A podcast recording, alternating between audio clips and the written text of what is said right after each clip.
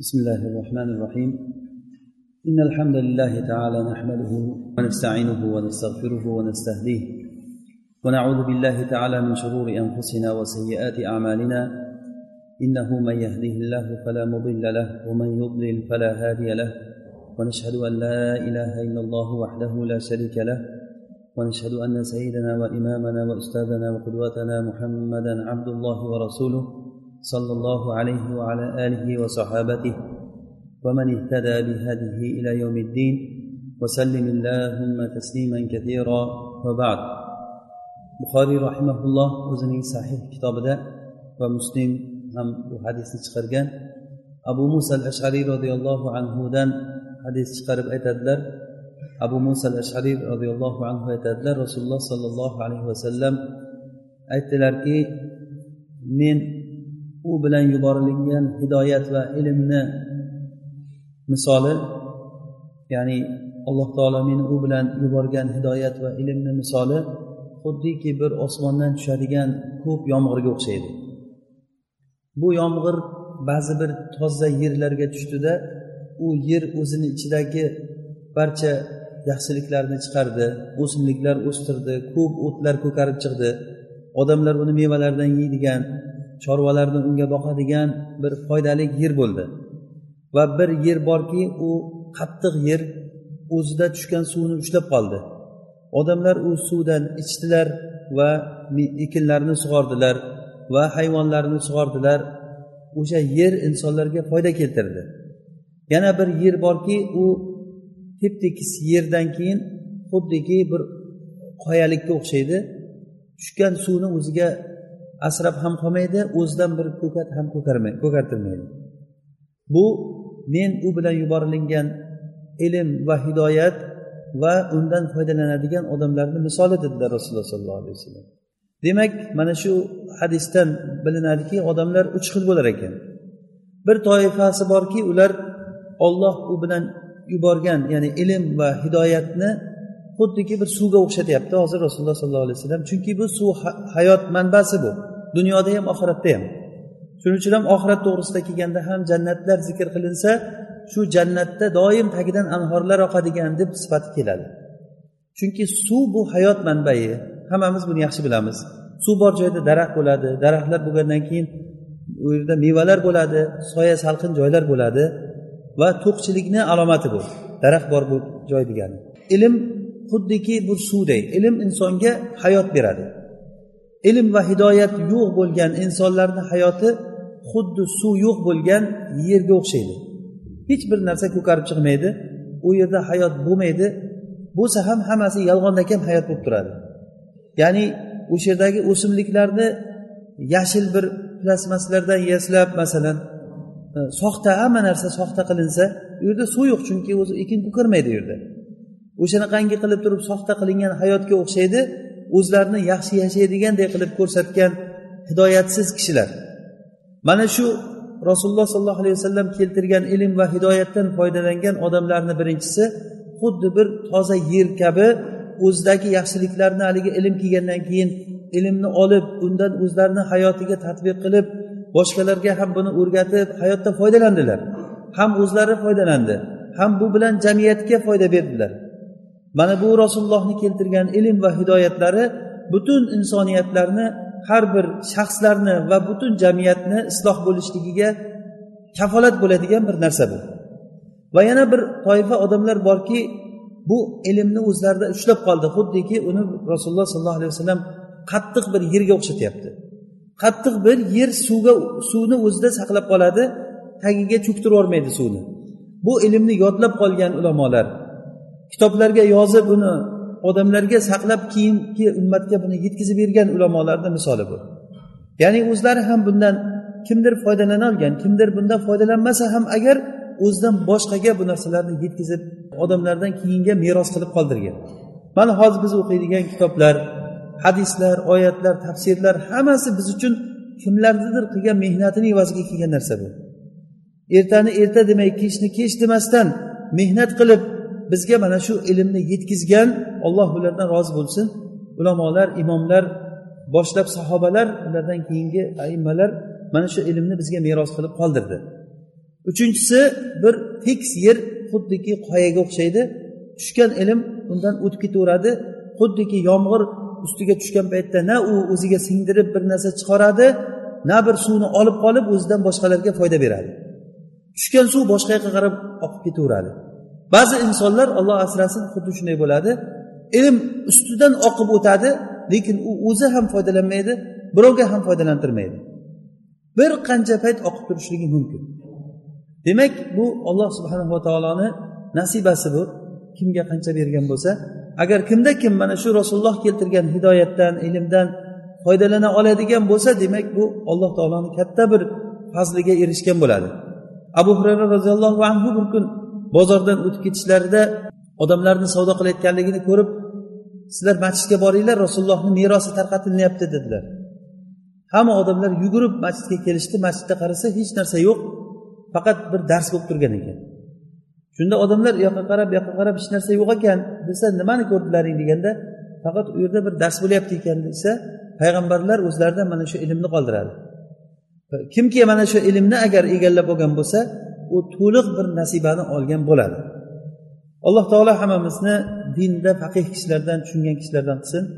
Bu ilm dunyo va saodatni katta bir e, baxt keltiradigan narsa.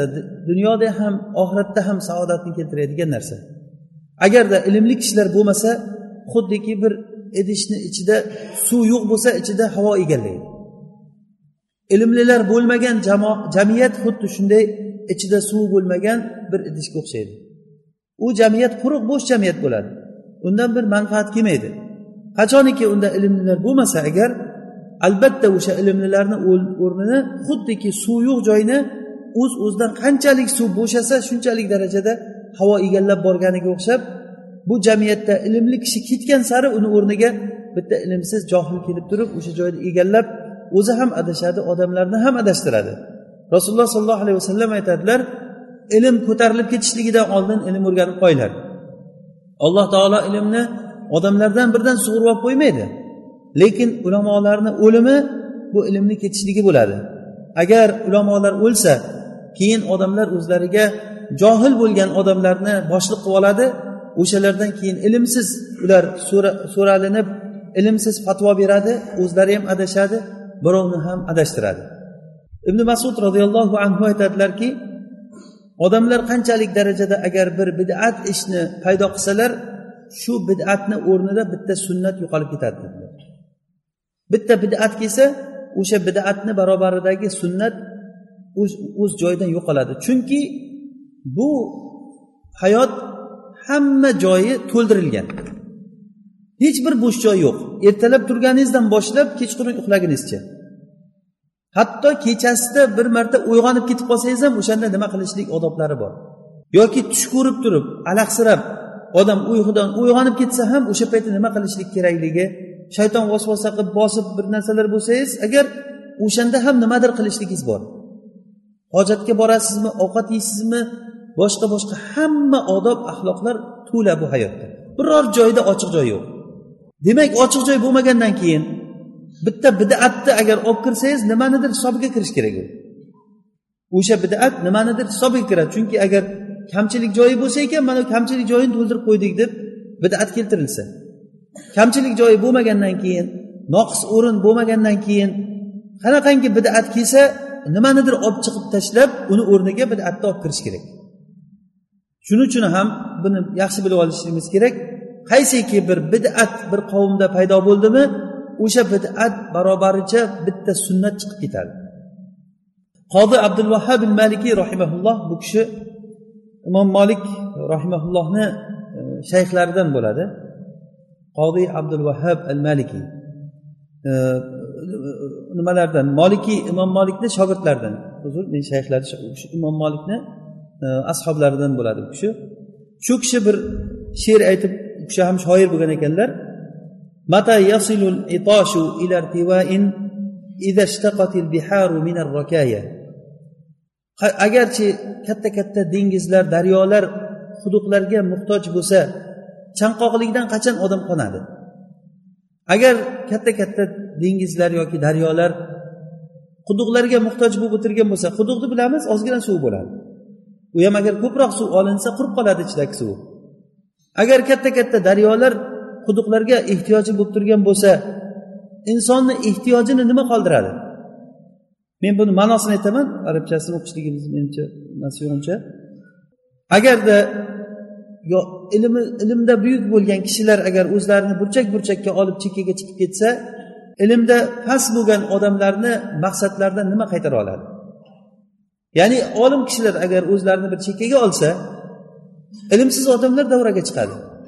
Shuning uchun ham ilmli kishilarni vojibi har qanday zamonda agar o'zi ilm bir nisbiy narsa hech kim men ilmliman deyolmaydi.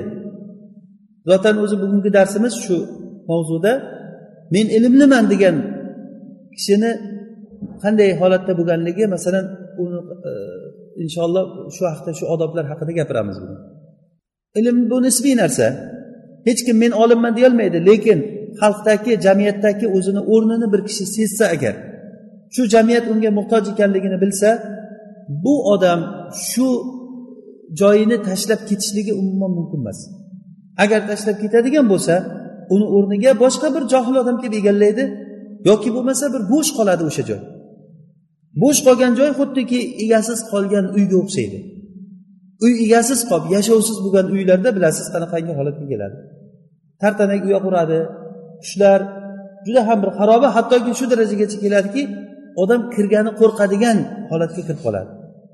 Jinlarni uyalari bo'ladi u joylar. Ya'ni o'shanaqangi qarovsiz joylar jinlar yashaydigan joylar bo'ladi deyiladi.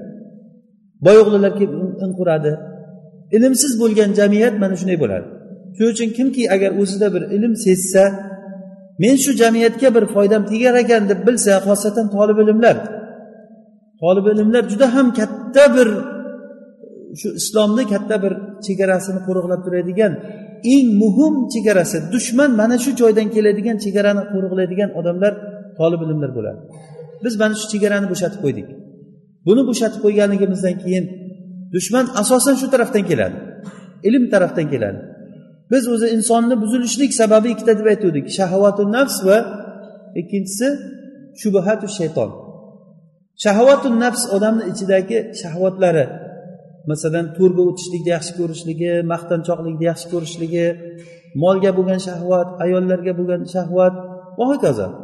Hamma shahvat. Lekin bu shahvatlar shahvatni tugatgandan keyin shahvat tugaydi. Masalan ovqatga bo'lgan shahvat ovqat yeb bitgandan keyin ovqatda yomon narsa bo'lmay qoladi odam ko'zida. Xuddi shunday boshqa narsalar ham. O'shanga erishgandan keyin u uni shahvatligi qolmaydi. Masalan bir faxrli moshinni mingisi keladi odam. O'sha moshinni ichiga kirib o'tirgan odam hech qanday bir boshqa narsadan farqini sezmaydi. Tashqaridan qaragan odam uni bir faxrli moshin minib ketyapti deb o'ylaydi lekin ichkarida turgan odam uchun u shahvati hech narsani bermaydi. Inson bir narsaga erishaman deb turib harakat qiladi o'shanga erishgandan keyin maqsadimga yetdimmikan deb o'ylasa yo'q undan ko'ra nariyog'ida yana boshqa narsa ko'rinadi. Ovqat yegisi keladi ovqat yeb bo'lgandan keyin uni hazm qilish kerak uyqusi keladi uyqu shahvati boshlanadi. Uxlab tursa boshi og'rib turib keyin yana ishlash kerak pulni shahvati bor va hokazo va hokazo. Ya'ni bu shahvatlar yengsa bo'ladigan narsalar. Lekin shaytonni shubhasi bu ilm tarafdan keladi.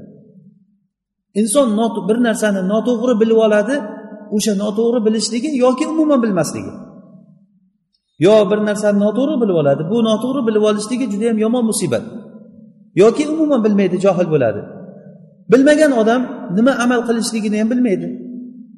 Gunoh ish qilib turibdi lekin o'sha gunoh ishni gunoh ekanligini ham bilmaydi.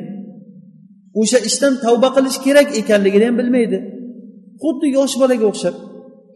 Yosh bola bilmaganligi uchun qo'lidagi har qancha qimmatbaho narsani ham bir urib sindiradi. Har qancha qimmat telefon uni qo'liga tushib qolsa olib borib shunday suvni ichiga solib qo'yadi. Nima uchun? Chunki uni qadrini bilmaydi uni. Inson ilmsiz bo'lgandan keyin ollohni ne'matlarini xuddi mana shu yosh bolaga o'xshab ishlatadi. Keraksiz joylarga mol sarflaydi. Kerakli bo'lgan joydan o'sha molni sarflash kerakligini kerakli joyini bilmaydi u odam. Xuddiki yosh bola masalan agar onasi yoki otasi kasal bo'lib ingrab yotgan bo'lsa ham bitta o'yinchoqni ko'rib o'sha o'yinchoq bilan o'ynab o'tirgan holatiga o'xshaydi. Odamlarni umumiy holati xuddi yosh bolaga o'xshaydi. Hozir ummat qanday bir dardda ingrab turgan paytida ummat nima bilandir o'ynab o'tiribdi. Qanaqadir o'yinchoq o'sha o'yinchoq agar o'ziga foydali bo'lsa ham mayli edi foydali narsa bilan o'ynayapti. Kattaroq foydani qilmasdan kichikroq foydani qilyapti der edik. Agar o'sha o'ynayotgan narsasi o'ziga ham zarar bo'lsachi bu yoqda uni ota onasidan qadrlik rasuli agar so'kilib turgan bo'lsa har qanday xayoliga kelgan narsa bilan butun jamiyat jamlanib turib birga bo'lib kelinglar so'kamiz. Bir ikki uch so'kdik deb so'ksa hammasi. Qani javob bersinchi bittasi shularni bittasi ovozini ko'tarsinchi? Ko'tarolmaydi ham agar bittasi ovozini ko'tarsa uni yonidagilar uni talab tashlaydi. Demak ovozingni ko'taryapsan hozir bizlarga ham gapiradi ular. Ovozingni ko'tarma deydi. Mana bu narsalarni sababi qayerdan keldi? Biz bu holatga nima uchun tushib qoldik? Bu holatga bu holatga tushishligimizni sababi ilmsizlik. O'sha ilm degan chegarani biz bo'sh qo'yib qo'ydik. Bu narsaga tolibi ilmlarda juda katta mas'uliyat bor. Shu chegarani dushman keladigan joyni tashlab ular boshqa yoqqa ketib qoldi. O'qigan tolib ilmlarni ko'rasiz bozorda savdo qilib yurganligini. Mayli tirikchilik qilishlik kerak. Lekin bu tirikchilik degani boyish degani emasku. Vallohi boyish uchun yuradi ko'p odamlar. Qorin to'ymaydi umuman.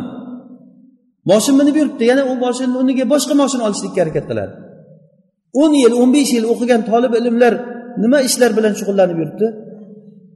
Mana shu odamlarni sababchisi hozirgi holatda ummatni shunday xorlikka kelganligini eng katta sababchisi shular bo'ladi. Billah agar balo kelsa shularga birinchi keladi. Buni biz boshimizdan o'tkazdik.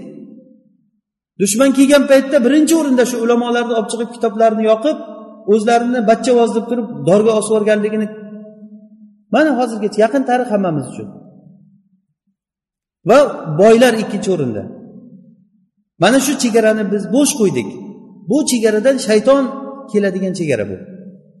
Ya'ni shayton bu insonga shubhalar olib kelinadigan jaholatni keltiradigan tomoni. Asosiy shaytonni kiradigan eshigi mana shundan bo'ladi. Bugungi suhbatimiz mana shu umuman ilmga tegishli bo'lgan suhbat. Hammamiz uchun ma'lum mashhur bo'lgan qissa muso alayhissalomni hadir alayhissalom bilan birga bo'lgan qissalari. Shu qissadan ba'zi bir foydalar haqida. Agarchi bu qissani hammamiz bir bilgan bo'lsak ham yana bir takrorlash hech kimga zarar qilmaydi. Bizni shayximiz ko'p aytardilar ko'p takror qilishlik ma'lumotni qalbda sobit qiladi. Yangi bir hozir sizlar eshitmagan bir hadislarni musnadul firdavsda mana bu hadis bor ekan bu bor ekan deb o'qib berishimiz mumkin masalan. Ko'p ko'p hadislarni o'qib berishligimiz mumkin lekin u narsa biz uchun bir yangilik bo'lgani bilan bu yog'ida xuddi haligi aytganimizdek bir tekis yerga o'xshab suv oqib tushib ketib qoladi. Ya'ni ko'p eshitilingan narsalardan foyda olinsa bunda juda katta manfaat bor. Bu hadisni buxoriy rahimaulloh rivoyat qilgan muslimda ham rivoyati kelgan ubay ibn kab roziyallohu anhudan. Ubay ibn kabdan ibn abbos ibn abbosdan buni said ibn jubayr. Said ibn jubayr e, rahimaulloh e, bir kuni ibn abbosni oldiga kelib turib aytgan ekanki navval al bukai degan kishi o'sha o'zini zamondoshlaridan tobiinlardan navfal al bukai degan odam aytyaptiki muso alayhissalom muso hazir bilan birga biz hizr alayhissalom deymiz. Ya'ni hazir demasdan hizr desak o'zbekchalab o'sha hizr bilan bo'lgan muso bu bani isroilni musosi emas ekan boshqa muso deyapti u. Deb ibn abbosdan so'ragan. Shunda ibn abbos roziyallohu anhu aytdilarki bu ollohni dushmani bekor aytibdi dedilar. Ollohni dushmani bekor aytibdi. Men ubay ibn kabdan eshitdim. U kishi aytib berdilar rasululloh sollallohu alayhi vasallam aytdilarki bir kuni muso alayhissalom bani isroil bilan o'tirib ularni suhbat qilib da'vat qilib o'tirganlarida bani isroilni juda ham qalblari yumshab ko'zlaridan yosh kelib suhbat juda qiziq bo'ldi. Keyin muso alayhissalom turib ketganlaridan keyin orqasidan bir odam yetishib bordi muso alayhissalomga ergashib. Ey kalimulloh yer yuzida hozir odamlar ichida sizdan ko'ra olimroq kishi bormi deb so'radi. Shunda muso alayhissalom yo'q dedilar. Ollohu alam demadilar. Yo'q deganlarida alloh taolo mana shu yo'q deganlari uchun kalimulloh bo'lgan muso alayhissalomni itobladi. Alloh taolo aytdiki sen yer yuzida mendan ko'ra olim kishi yo'q deb aytding. Sendan ko'ra olim bir bizni bandamiz bor. Shunda muso alayhissalom ey robbim u qayerda? Menga aytgin joyini men borib uchrashay u bilan. Deganda unga borishlikni yo'li sen bir e, o'zing bilan bir baliq olib olgin. Mana shu baliqni qayerda yo'qotsang o'sha joydan topasan uni degan. Keyin u kishi o'zini xizmatchisi yusha ibn nun bilan birgalikda bir savatga baliq olib unda e, isroiliyotlarda xabarlarda har xil kelgan u baliq sho'rlangan baliq bo'lgan u bo'lgan bu bo'lgan allohu alam. Har qalay bir baliq bo'lgan. Shu baliqni savatga solib turib yo'lga chiqishgan nima suv yoqalab ketishgan. Yurgan yurgan yurgan ancha yurgandan keyin bir joyga borib turib katta bir xarsang toshni oldiga borishgandan keyin dam olishgan. Muso alayhissalom uxlab qolgan yusha ibnon uyg'oq holatda turgan paytda haligi savatdagi baliqqa hayot kirib o'zi baliq o'zi savatda bir qancha vaqt yurgandan keyin o'zi o'lib qoladi. Ya'ni o'lik baliq bo'lgan. Haligi baliqqa hayot kirib bir sakrab yerga tushib sakrab suvga tushib ketgan. Shu suvga tushgan joyda xuddiki katta bir toshni suvga otsangiz suv chuqur bo'lib qolganday o'sha joy shundoq chuqur bo'lib qolib suv to'xtab qolgan o'sha joyda. Ya'ni alloh taolo bir mo'jiza qilib turib shu suvni oqishligini to'xtatib qo'ygan. Keyin yusha ibn nun muso alayhissalomga e baliq ketib qoldi deyman desa u kishi uxlab turgan holatlari edi. Keyin aytaman deb esdan chiqib ketdi. Keyin muso alayhissalom uyg'ondilarda ketdik sayr davom ettiramiz deb yurib ketdilar ikkalasi. Yurdi yurdilar. Shu kunni qolgan vaqtida ham yurdi kechasi ham yurdilar. Rosa charchagandan keyin keyin muso alayhissalom haligi baliqni olib kelgin juda charchadik bir ovqatlanaylik. Deganlarida aytdiki bu baliq tushib ketgan edi men sizga aytaman desam shayton menga unuttirdi. Buni qur'on bizga e, qissa qilib beradi. Ya'ni baliqni olib kel ovqatlantiramizmi ovqatimizni olib kel yeymiz deganlarda muso alayhissalom shunda men haligi baliqni e, tushib ketganligini sizga aytaman deb shayton menga unuttiribdi yodimdan shayton chiqarib qo'yibdi esimdan deganda muso alayhissalom mana shu kerak edi bizga shuni aytmabsan ekan deb keyin yana orqaga izlaridan orqaga qaytgan. Qayerdan ular iz bosib kelgan bo'lsalar o'sha izlardan qososo degani o'sha iziga qarab qarab qarab yurib ketish degani. Qayerdan kelgan bo'lsalar o'sha borib borib borib o'sha joyga bordilar. O'sha qarsang toshni oldiga borgan paytlarida hazir alayhissalom o'sha joydan topdilar ular.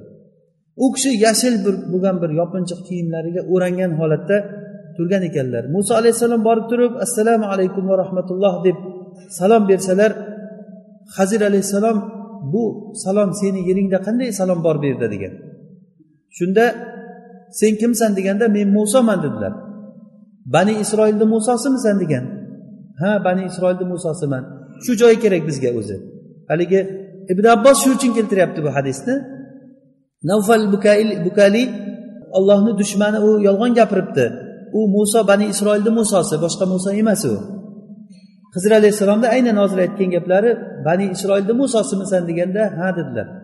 Keyin muso alayhissalom aytdiki menga ilm o'rgatishliging uchun ya'ni alloh taolo seni menga ilmli kishi deb aytdi demadilar. Agar aytgan bo'lsalar ham bu qisqa bo'lganligi uchun xabarlarda kelmadi. Aytdiki men senga ergashsam ilm o'rgatasanmi menga dedilar. Shunda u kishi aytdilarki sen men bilan birga ilm o'rganishlik uchun yurolmaysan.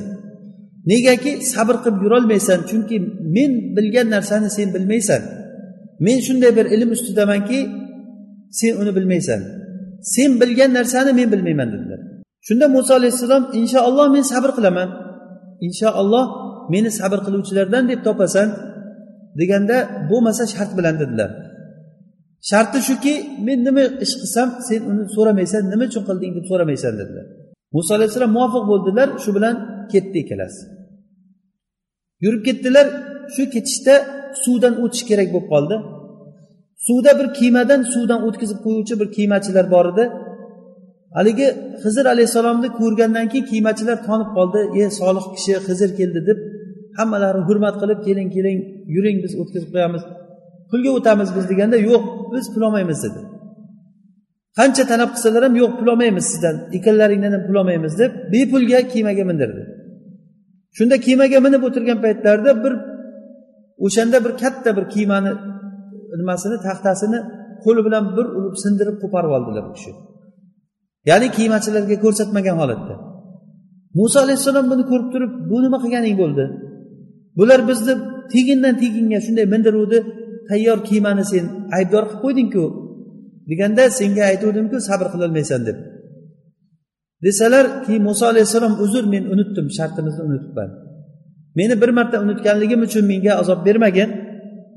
Tamom endi qaytib so'ramayman dedilar. Bo'pti dedilar yana ketdi keyin ikkalasi. Shunda ular dengizdan o'tib bo'lganlaridan keyin qanday o'tganliklari bu kelmagan xabarlari har qalay suvdan o'tdilar. Keyin ko'p bolalar o'ynab yotgan paytlar holatga uchratdilar. O'sha bolalarni ichida nihoyatda bir chiroyli bir bolacha shunday borib hizr alayhissalom haligi bolani ushlab boshini shuni uzib tashladi. Deb kelgan. Ba'zi rivoyatlarda kallasini shunday uzib tashladi deb kelgan. Ba'zi rivoyatlarda shunday yotqizib turib so'yib tashladi degan. So'yib kallasini ajratib qo'ygan. Buni ko'rgan muso alayhissalom sen juda ham munkar ishni qilding sen. deganda hizr alayhissalom men senga aytmabmidim sabr qilolmaysan deb alam aqullaka innaka lan tastati'a ma'iya sabra. Senga aytmabmidim men bilan birga sabr qilolmaysan deb shunda muso alayhissalom uzr. Shartimiz to'g'ri tugadi. Endi bu narsaga agar yana bir marta so'rasam tamom biz o'rtamiz ajralamiz dedi. Yana bir marta so'rasam o'rtamiz ajraladi. Keyin bo'pti dedilar yana yurib ketdilar ikkalasi. Shu ketishda bir qishloq ahliga borib qishloq ahlidan taom so'radilar ular taom bermadi. Bizni mehmon qilinglar biz musofirmiz deb so'rasalar yo'q hech kim shunaqangi bir odamlar ekan. Mehmon kerak emas ularga. Keyin o'sha qishloqni chekkasida bir devor yiqilaman deb turgan paytda qiyshayib turgan devorni ko'rib hizr alayhissalom u devorni tuzatib qo'ydilar. Shunda muso alayhissalom aytdilarki sen nima qilarding shu devorni tuzatib? Agarda ulardan taom so'raganimizda bermadi. Agar bu narsani bir pulga kelishganingda edi pul olsak o'shanga bir taom olib yer edik ijaraga bir ish bo'lardi bu ham. Foydali ish bo'lardi ya'ni. Deganda hizr alayhissalom aytdiki mana bu biz bilan men bilan seni o'rtamizda ajralishligimiz. Deb turib keyin endi o'tirgin senga men e, sabr qilolmagan narsangni nima uchunligini aytib beraman. Ya'ni bu qisqa bu qissa juda uzun rivoyatlar bilan kelgan. Zotan o'zi bizni maqsadimiz u qissani to'liq aytib berishlik emas. Men buni uzuq yo'liq qilib aytyapman. Hozir o'zi um, buxoriyda kelgan rivoyatini aytyapmiz hozir. Bu qissa juda ham ko'p yerlarda kelgan isroiliyotlarda kelgan buni to'liq anavlari biz uchun qissani suyagi shu. E, qo'shimcha narsalari ko'p uncha ilm bermaydi bizga. Biz ilm oladigan joyimiz shu inshaalloh. Shunda aytdilarki birinchi navbatdagi haligi sen sabr qilolmagan kiyma bu bir miskinlarni kiymasi edi. Ular dengizdan tirikchilik qilib turib shu ularni tirikchiligi shu edi. Ularni ortidan bir podshoh zolim podshoh urushga kiymalarni yig'ishtirib olib ketyapti ekan. U kelib qolsa bu kiymasini tortib olib ketadi bularni. Shu podshoh olib ketmasin deb buni aybdor qilib qo'ydim degan. Foyda qildimikan ziyon qildimi bu kishi? Foyda qildi lekin bu keltirgan foydasini muso alayhissalom bilganlari yo'q. Chunki bu g'oyib ilmi bu. Muso alayhissalom uchun bu g'oyib ilmi bu. Qissaga qattiq ko'proq e'tibor berib turingizlar chunki bizni asosiy darsimiz qissa emas u qissadan olinadigan foydalarga qaratilgan. Buni eslab turish kerak har bir qissada bo'layotgan voqealarni. Keyingi holatdagi yosh bolaga kelayotgan bo'lsak uni yosh bola u kofir qilib turib yaratilingan. O'sha bola kofir qilib yaratilingan. Ba'zi rivoyatlarda innahu kafiron degan. Kofir qilib yaratilgan agar u yashasa shu bola agar umri uzoq bo'lib turib yashasa ota onasini yo'ldan chiqaradigan bola bo'ladi. Alloh taolo xohladiki mana shu ota onasini bu bolani o'ldirib ota onasiga bundan ko'ra yaxshiroq bo'lgan narsani berishlikni olloh xohladi dedi. Shuning uchun bu bolani o'ldirish kerak edi o'ldirdim dedi. Buni o'zim uchun qilganim yo'q. Buni ollohni amri bilan qildim men. Masalan malakul mavt odamlarni jonini oladi. Odamlarni jonini oladi malakul mavt shu jonini olgan paytda malakul mavt zolim bo'ladimi? Kim aytadi? Zolim bo'ladi deb kishini. Nima uchun zolim bo'lmaydi? Chunki u buyuruvchini buyrug'ini bajaryapti. Robbil alamin butun koinotni egasi insonlarni egasi bor falonchi bandamni ruhini olib kel deydi. U kishi borib ruh topib keladi. Hech qanaqangi bu yerdagi elchiga o'lim yo'q deganday u kishi xizmatni bajaruvchi ollohni buyrug'ini bajaruvchi zot u kishiga hech qanaqangi malomat yo'q. Hozirgi hizr alayhissalomni qilgan ishida ham hech qanaqangi malomat yo'q chunki u kishi bu qilgan ishini ollohni buyrug'i bilan qildilar. Ammo qishloq ahlidagi boyagi devorga keladigan bo'lsak u devorni tagida katta bir xazina bor. Bunda ba'zi rivoyatlarda qurtubiy shu nimani e, tafsirda har xil isroiliyatlarni keltirgan xazina nima ekanligini. Xazina ba'zilar kitob degan katta bir kitob bor u kitobdan katta bir boylik bor. Ya'ni o'shani xazina deb aytyapti. Ba'zilar aytgan u yerda katta oltin bor. Nima bo'lganda ham katta xazina bor. Kitob bo'lsin yoki oltin lekin xazina deganda kanz deganda bu tillo tushuniladi hech kim kitobni tushunmaydi. Vakana tahtahu kanzullahuma oyatda kanz deb kelgan. Ya'ni bu devorni tagida haligi ikkita yetim bola uchun kon bor tillo bor. Ana shuni ular katta bo'lib turib olishligi uchun ular to voyaga yetib ularni otalari solih kishi edi. Demak u otalari o'lib ketgan u bolalar yetim bo'lib qolgan ikkita bola. Bu bolalar voyaga yetib shu narsani olishlikkacha devor turishi kerak. Men shu uchun devor tiklab qo'ydim degan. Bu qishloq ahli uchun qilganim yo'q buni degan. Shu qishloq ahlida ikkita yetim bola bor shularni haqqi bor buni tagida mana shuni olishlik uchun. Bu sen sabr qilolmagan narsa shu dedi. Shu bilan ajralish bo'ldi. Rasululloh sollallohu alayhi vasallam aytadilar shu qissadan keyin olloh rahm qilsin muso alayhissalomni agar sabr qilganlarida yana ko'proq ajoyibotlarni biz bilib olardik. ya'ni rasulullohni ilmga qiziqqanliklari bu yerda endi buxoriy rahimaulloh mana shu shu qissada mana shu muso alayhissalom bilan hizr alayhissalom qissasini o'zini sahihini o'n uchta joyda keltirgan. o'n uchta o'rinda agar buni agar foydalar olishlik uchun bu qissadan foydalar olishlik uchun ko'proq joyda ham keltirishlik mumkin edi. Lekin u kishi katta katta o'n uchta joyda keltirgan. Buxoriy rahmaullohni odatlari o'zi bir hadisni bir joyda takror takror bitta joyda keltirsa boshqa joyda ham keltiradi lekin aynan o'zi qilib keltirmaydi. Keltirgan ikkinchi joyda keltirganliklari bir ziyodasi bo'ladi. Yo matnda yoki san'atda yoki matnda yoki san'atda foydasi bo'ladi. Buxoriyni hadislari takror kelganligi yo sanadiy yo matniy foydasi bor. Bekordan bekorga takror keltirmaydi. Masalan ba'zi joyda muallaq kelgan hadislarni boshqa bir joyda mavzul qilib keltiradilar. Buni inshaalloh bu usul mustalahul hadisda o'rganiladigan narsa. Al muhim buxoriy rahimaulloh mana shu qissani o'zini kitobidan sahihida o'n uchta joyda keltirgan. Birinchisi kitabul ilm. kitabul ilmda u kishi bob ajratib aytganlarki bab ma zukira fi zahabi musa fil bahri ila al khadir va fi qawlihi ta'ala hal attabi'uka ala an tuallimani mimma ullimta rushda? Mana shu bob deb aytgan. Ya'ni muso alayhissalom xizr bilan birgalikda dengizga sayr qilib ketganliklari ilm o'rganishlik uchun.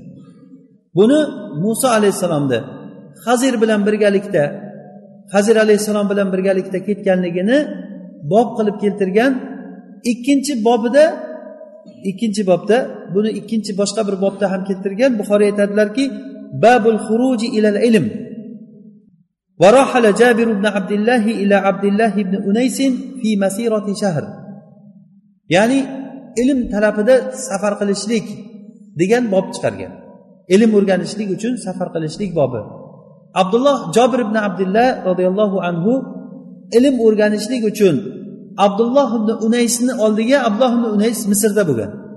Bir oylik masofa bo'lgan. Abdulloh ibn unaysni oldiga ilm o'rganishlik uchun safar qilganliklari deb bob ajratgan. Hozir e'tibor berayotgan bo'lsak birinchi bu birinchi bob bilan ikkinchi bob bir biriga o'xshaydi. Birinchi bobda aytyaptilarki musoni hizr alayhissalomdan ilm o'rganishlik uchun dengizga qarab safar qilishligi deyapti. Ikkinchisida ilm o'rganishlikda safar qilish deyapti. Bu ikkovsini farqi shundaki birinchisida musoni safar qilishligi deganidan buxoriy shunday demoqchilarki har qancha sha'ni ulug' odam bo'lsa ham ilm o'rganishlik uchun safar qilganligini aytmoqchilar. Ya'ni musoni safar qilishligi deb keltiryapti.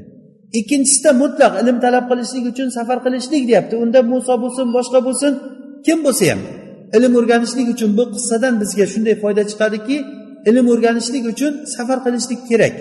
Inshaalloh bu bu, bu haqda juda gaplar ko'p.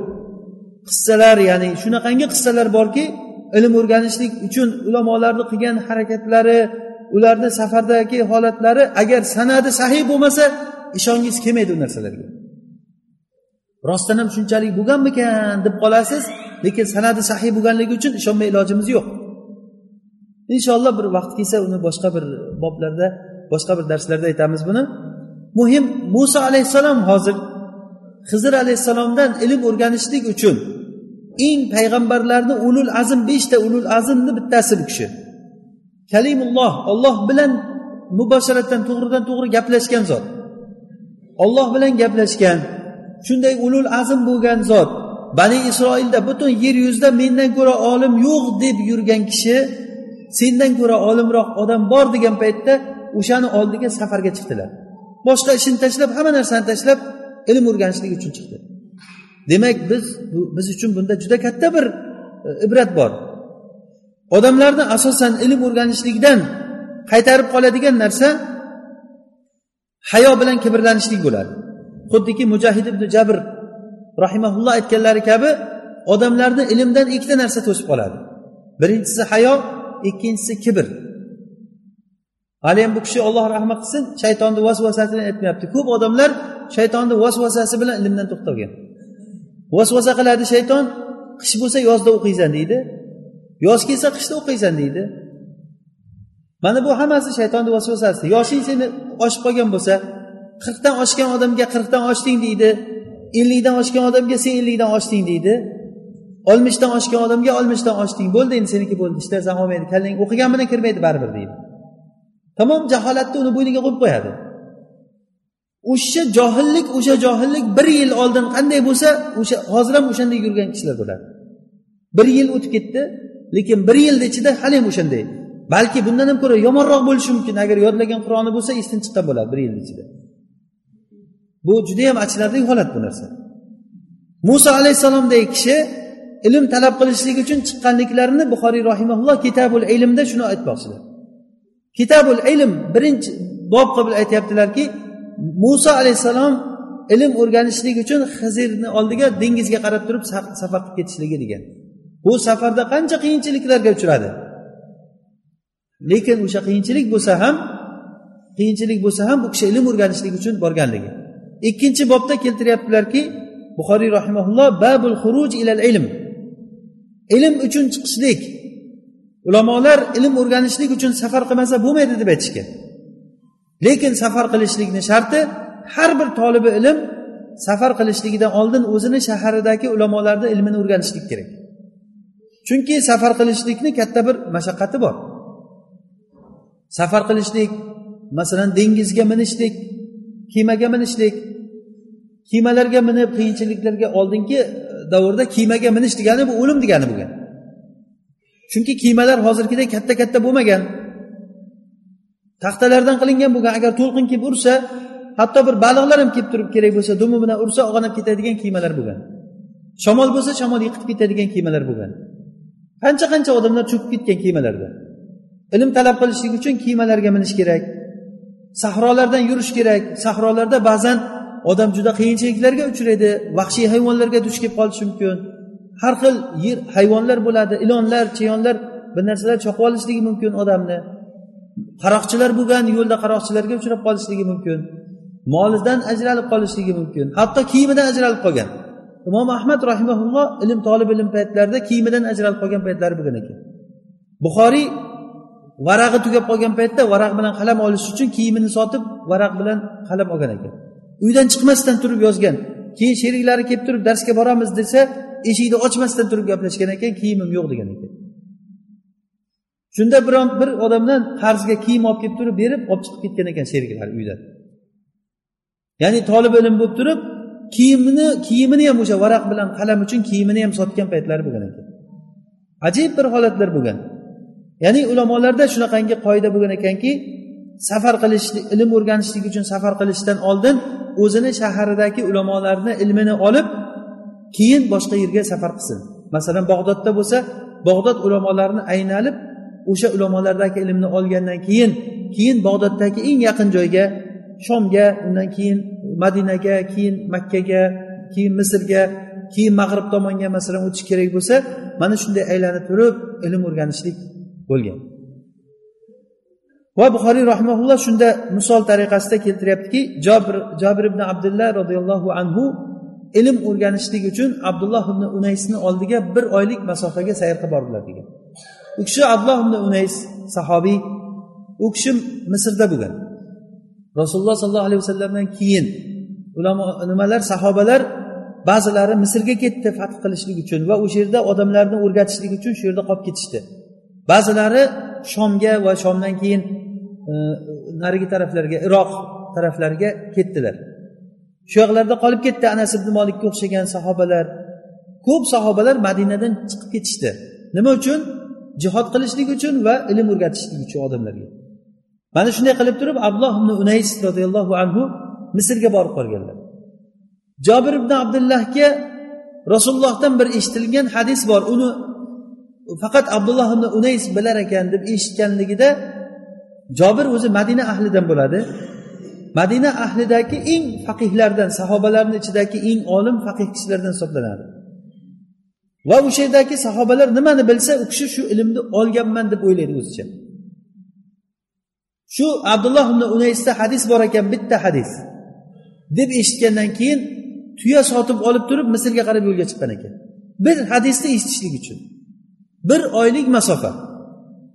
Bir oylik masofani kesib o'tib borib abdulloh ibn unaysni eshigini taqillatgan paytda xizmatchisi chiqib kim deganda ayt jobir keldi deb ayt degan. Keyin ichkariga kirib turib jobir degan bir kishi kelibdi deganda qaysi jobir? degan. Jabir ibn abdullohmi? deb turib chiqib turib ko'rib ikkita sahobiy bir biri bilan quchoqlashib ko'rishib endi u sahobalar rasulullohni yonida yurgan ikkalasi ham. Vaqt kelgandan keyin ikkalasi ikkiga qarab ajralib ketgan shunda birinchi gapirayotgan gapi sen rasulullohdan bir hadis eshitgan ekansan shuni eshitish uchun keldim shu yerga degan ekan. Bu hadisni eshitmasdan turib men o'lib ketishligidan qo'rqdim degan ekan. Ehtimol mana shu hadisda meni hayotimni najot topishligi shu hadisda bo'lishligi mumkin. Qarang sahobiyni fahmini meni hayotimga foyda bo'layotgan dunyo va oxiratimga foyda bo'layotgan gap mana shu hadisda bo'lishligi mumkin shu hadisda aytib ber degan. Shunda u kishi ha men rasulullohdan bir hadis eshitganman. Qiyomat kunida odamlar hammalari qiyomat kunida yalang oyoq bo'lgan holatda bosh yalang yalang'och va e, xatna qilinmagan holatlarida ollohni oldida maydonda hammalari tirilib turadilar. Bitta maydonda. Shunda alloh subhanahu va taolo nido qiladi. Ularni hammasi shunday bir tekis maydonda bo'ladiki bir nido qiluvchi kishi nido qilsa hamma eshitadi. Alloh taolo nido qilar ekanki men malikman. Men odamlarga jazo beruvchi hisob kitob qiluvchi zotman deb turib nido qiladi. Hech kimdan natoq chiqmaydi. Qani podshohlar gapirsin? Qani zo'ravonman degan odamlar agar o'sha yerda isi bug'i chiqsin? Hamma jim bo'lib turib eshitib turadi. Mana shu paytda alloh taolo hisob kitob qiladi hammani. Jannat ahlidan biror bir kishi jannatga kirolmaydi agar do'zax ahlidan birorta odamni uni ustida haqqi qolgan bo'lsa. Do'zax ahlidan biror kishi do'zaxga kirolmaydi agar jannat ahlidan biror kishini uni ustida haqqi qolgan bo'lsa. Birorta haq birovni ustida haqqi qolmaguncha haqdorlarga haqqi olib beriladi. Mana o'shandan keyin hamma odam jannatiylar jannatga do'zaxiylar do'zaxga kiradi. Umumiy shu hadisda aytib berganlar. Balkim jobir ibn abdulloh roziyallohu anhu mana shu hadis dagi ma'nolarni hech qaysisiga ehtiyoji yo'qdir balkim. Lekin o'sha hadis nima ekan deb turib madinadan bir oylik masofaga tuya sotib olib turib safar qilib oldilar. Hozir bu hadisni hech qaysisini bilmagan kishilar qanday bo'ladi? Ajibki hozir shunday hadislar bor. Oldimizda buxoriy turibdi qur'on turibdi. Hamma ilmlar bor biror marta buxoriyni o'qimagan boshdan oxirigacha o'qib chiqmagan toliblar qancha? Nima man qiladi agar tolib ilm shu o'qiyman desa nima man qiladi? Hech yo'q bo'sh vaqtda o'qisa ham agar kuniga besh betdan o'qisa ham bir oyda bir yuz ellik bet o'qiydi. O'n oyda bir yarim ming bet o'qiydi. Bir yarim ming bir yilda bir ming sakkiz yuz bet bo'ladi bu. Bir ming sakkiz yuz bet degani bu nechta kitob degani bu? Bir yilda bu. Bunaqa yillardan nechtasini o'tkazdik biz? Nima uchun biz mana shu bilmagan narsamizni o'rganishlikka qiziqmaymiz? Shoyatki bizni najot toptirayotgan narsa o'sha bilmagan narsamizdadir. Hozir bilmaganligimiz uchun hamma narsa shu deb o'ylaymiz. Lekin bizni oldimizda bilmagan qancha narsalar bor? Oyog'imizni tagidan oqib yotgan narsalar. Xuddiki rasululloh sollallohu alayhi vasallam abu muso al shariyni hadisda aytganlari kabi odamlar uchta toifaga bo'lib darsimizni boshidan aytdiku o'zimizni ustimizdan ilmni shunday oqizib yuboradigan odamlarday bo'lib qolishlikdan olloh asrasin. Shuning uchun ilm o'rganishlikka odam haris bo'lishi kerak. Kim bo'lishidan qat'iy nazar? Yoshi katta bo'lsin yoshi kichik bo'lsin ayol bo'lsin erkak bo'lsin. Xosatan ayollar. Qancha bo'sh vaqtlar bor ayollarda. Lekin o'sha bo'sh vaqtlarni behudaga o'tkazadi. Behudaga hech bir foyda keltiradi deb o'ylamayman men. Illo olloh rahm qilgan kishilar bundan mustasno. Ya'ni o'sha vaqtni qadriga borib biz o'tgan darslarimizda vaqt to'g'risida uni g'animat bilish to'g'risida shuni bugungi darsimiz ham shuni davomiga o'xshaydi. Mana bu narsalardan g'animat bilib ilm o'rganishlikka bizda katta bir mana shu qissadan katta bir nima foyda bor. Alloh taolo o'zini kitobida bu qissani bekordan bekorga keltirmaydi. Unda katta bir foydalar borki o'sha uchun keltiradi. Bo'lmasa bu voqealar qancha? Qur'on tarix kitobi emas yoki qissa kitobi emas odamlarni vaqtini choq qilib o'tiradigan. Bu gaplarni har bitta kalimasidan biz uchun katta bir foydalar chiqadi.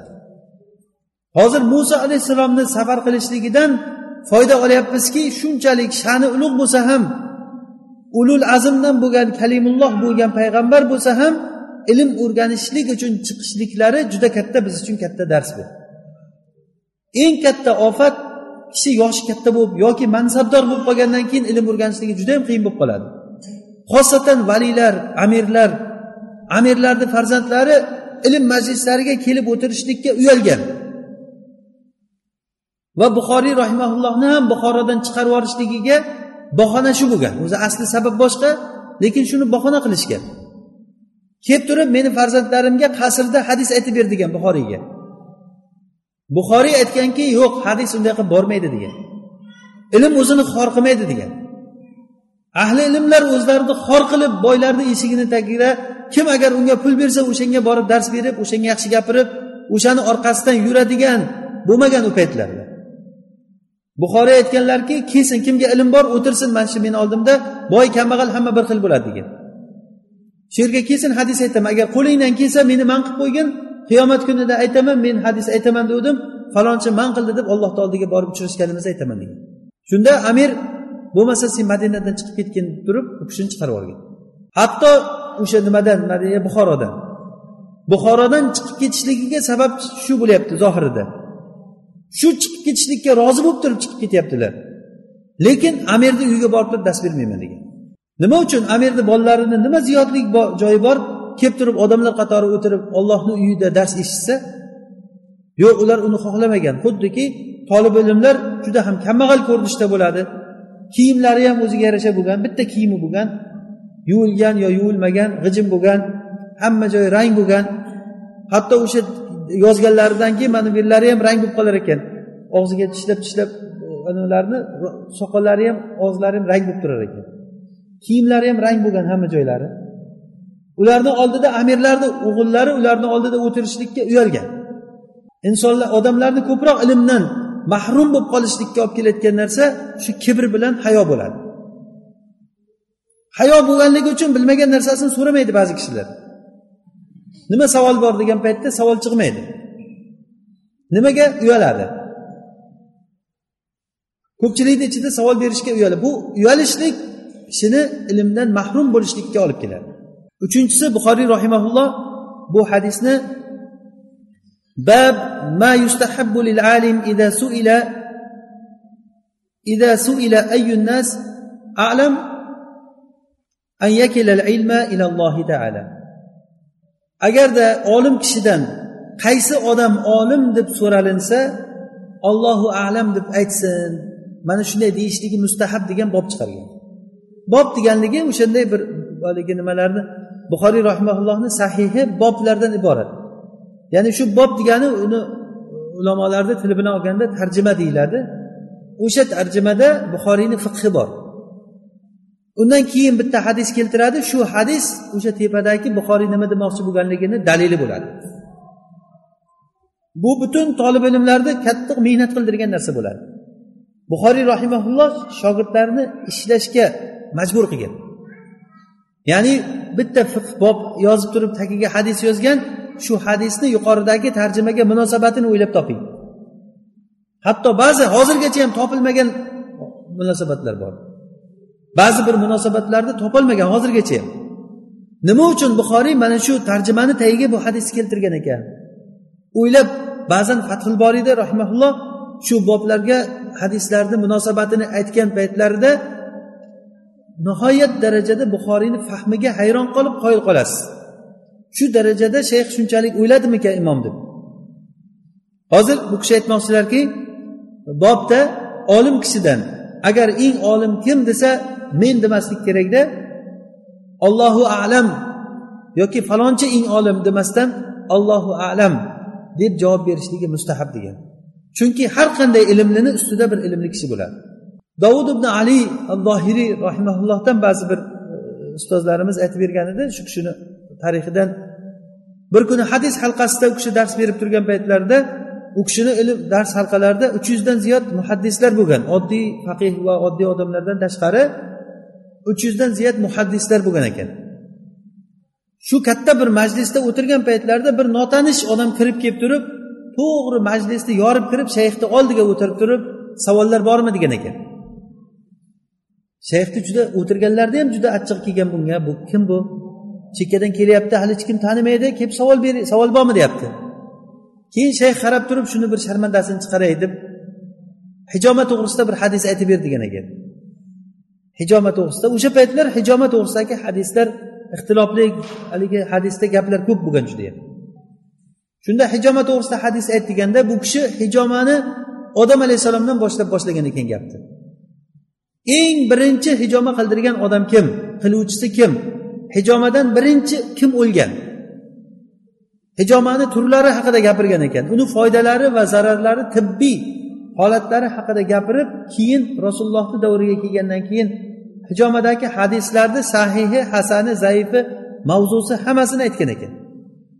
Keyin fuqarolarni undagi xiloflarini aytib o'rtalarini rojih marjuhini tarjihini aytib qilib turib yechib bergandan keyin turib chiqib ketgan ekan. Shunda shayx aytgan ekanki bugundan boshlab men hech bir kishini o'zimdan ko'ra ilmsizroq bo'lsa kerak deb his qilmayman degan. Ya'ni allohu alam. Olloh hech kim aytmaydiki men ko'proq bilaman demaydi. Agar o'shanday desa o'sha aytgan tomonidan zarba yeydi bu odam.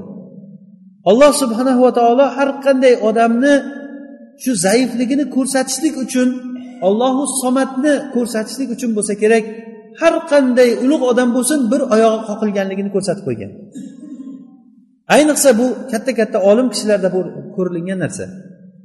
Shuning uchun ham bir bizga tolib ilmlarga shunday bir odob chiqadiki agar shayximizda bir biz yoqtirmaydigan bir holatni ko'rib qolsak birdan u shayxni yuziga tuflab orqasidan g'iybat qilib teskari qarab ketib qolmaylik.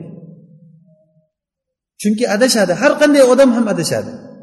Har qanday odamni gapidan olinadi va tashlanadi. Ibrat uni yaxshiligini ko'pligiga qarab bo'ladi. Har qanday odam ham adashishligi mumkin.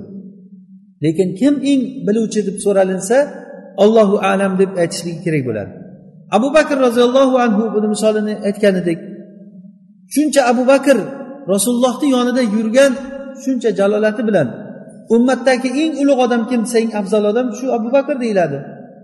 Mana shu kishi ham ba'zi bir narsalarni bilmaganligi kelgan. Masalan bir ayol kishi kelib turib nevaram o'lib qoldi shu nevaramdan men nima olaman merosdan? deb so'raganda abu bakr aytgan ekanki men nevaralar nima olishligini bilmas ekanman. Ashoblarimdan so'ray keyin aytaman degan. Keyin ashoblarni chaqirib bu agar nevarasi o'lib qolsa uni katta onasi nima oladi merosidan? Rasulullohdan biror xabar eshitganmisizlar deganda mug'ira ibn shuba bilan muhammad ibn maslama ikkalasi aytgan ekanki rasululloh sollallohu alayhi vasallam davrlarida xuddi shunday bir voqea bo'lganda o'sha momosiga onasiga katta onasiga rasululloh sudus bergandilar. Ya'ni oltidan birini bergandilar.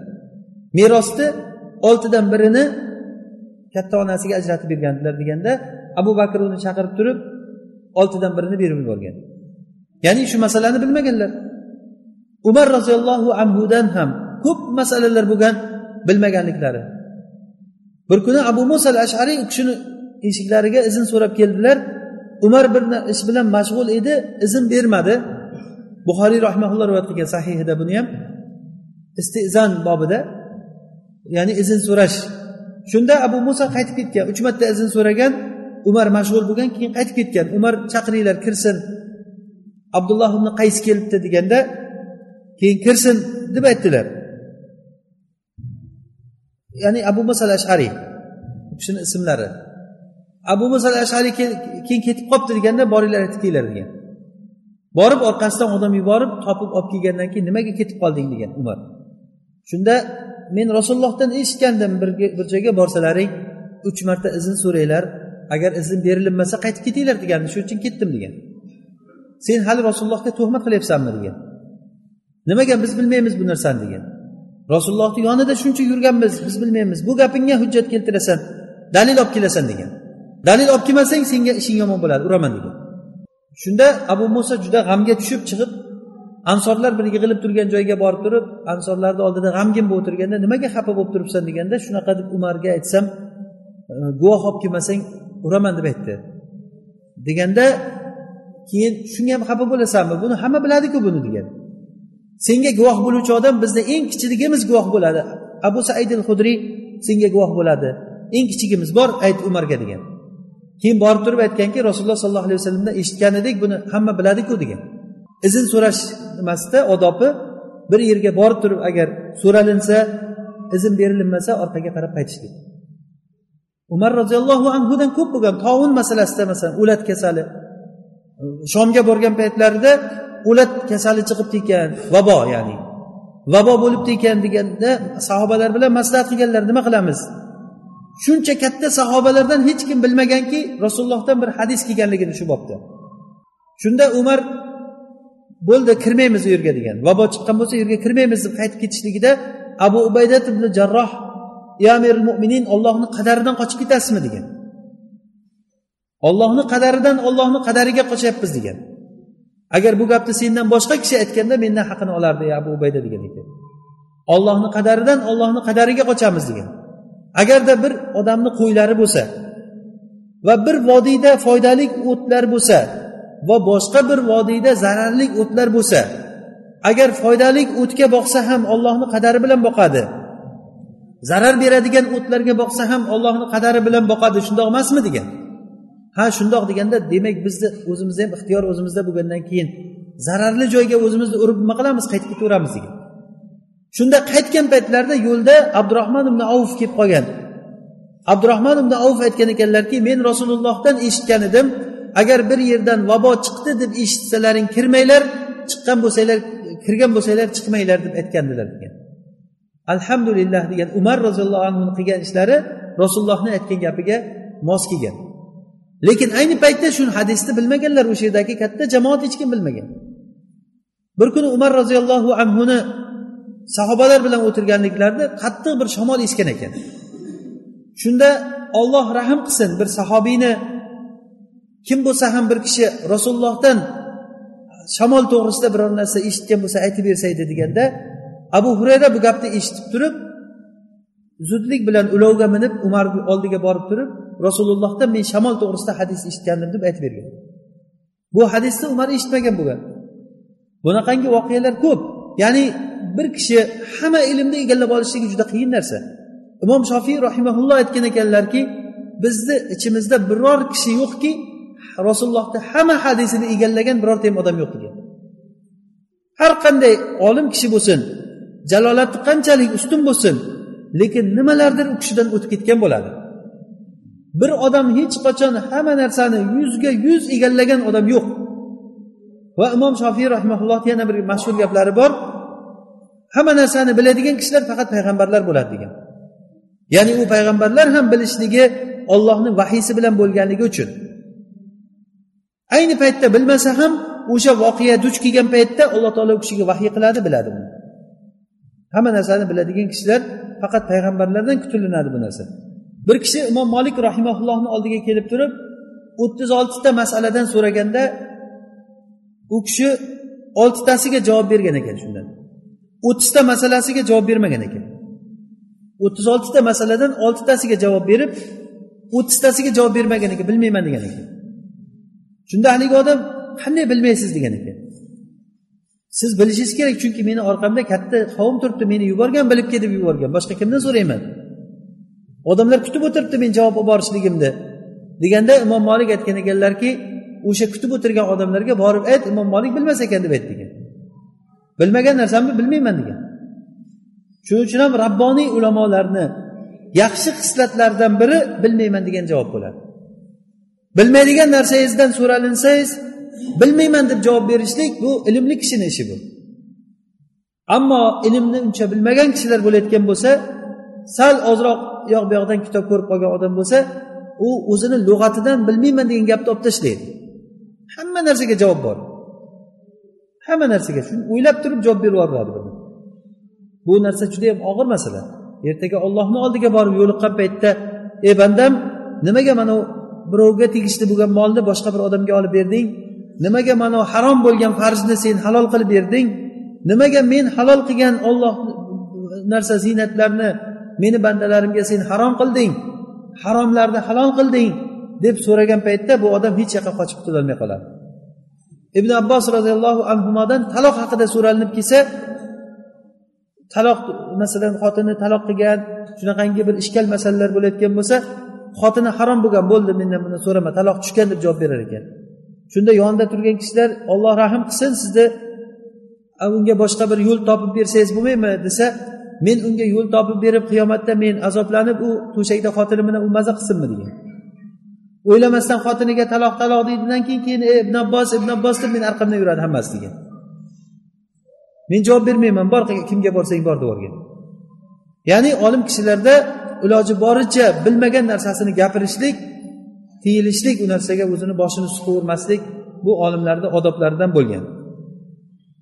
Ho'p inshaalloh bu nimamizda bir o'n uchtacha foydani e, buxoriy rahmaulloh nima qilgan chiqargan joylarini men yozib kelgandim kelgusi darsimizdan inshaalloh qolgan shu joydan davom ettiramiz vaqtimiz bo'lib qolibdi ekan alloh subhanava taolo hammamizni o'zini dinida faqih kishilardan qilsin dinni tushungan alloh taologa tushunib ibodat qiladigan kishilardan qilsin سبحانك اللهم وبحمدك نشهد أن لا إله إلا أنت نستغفرك ونتوب إليك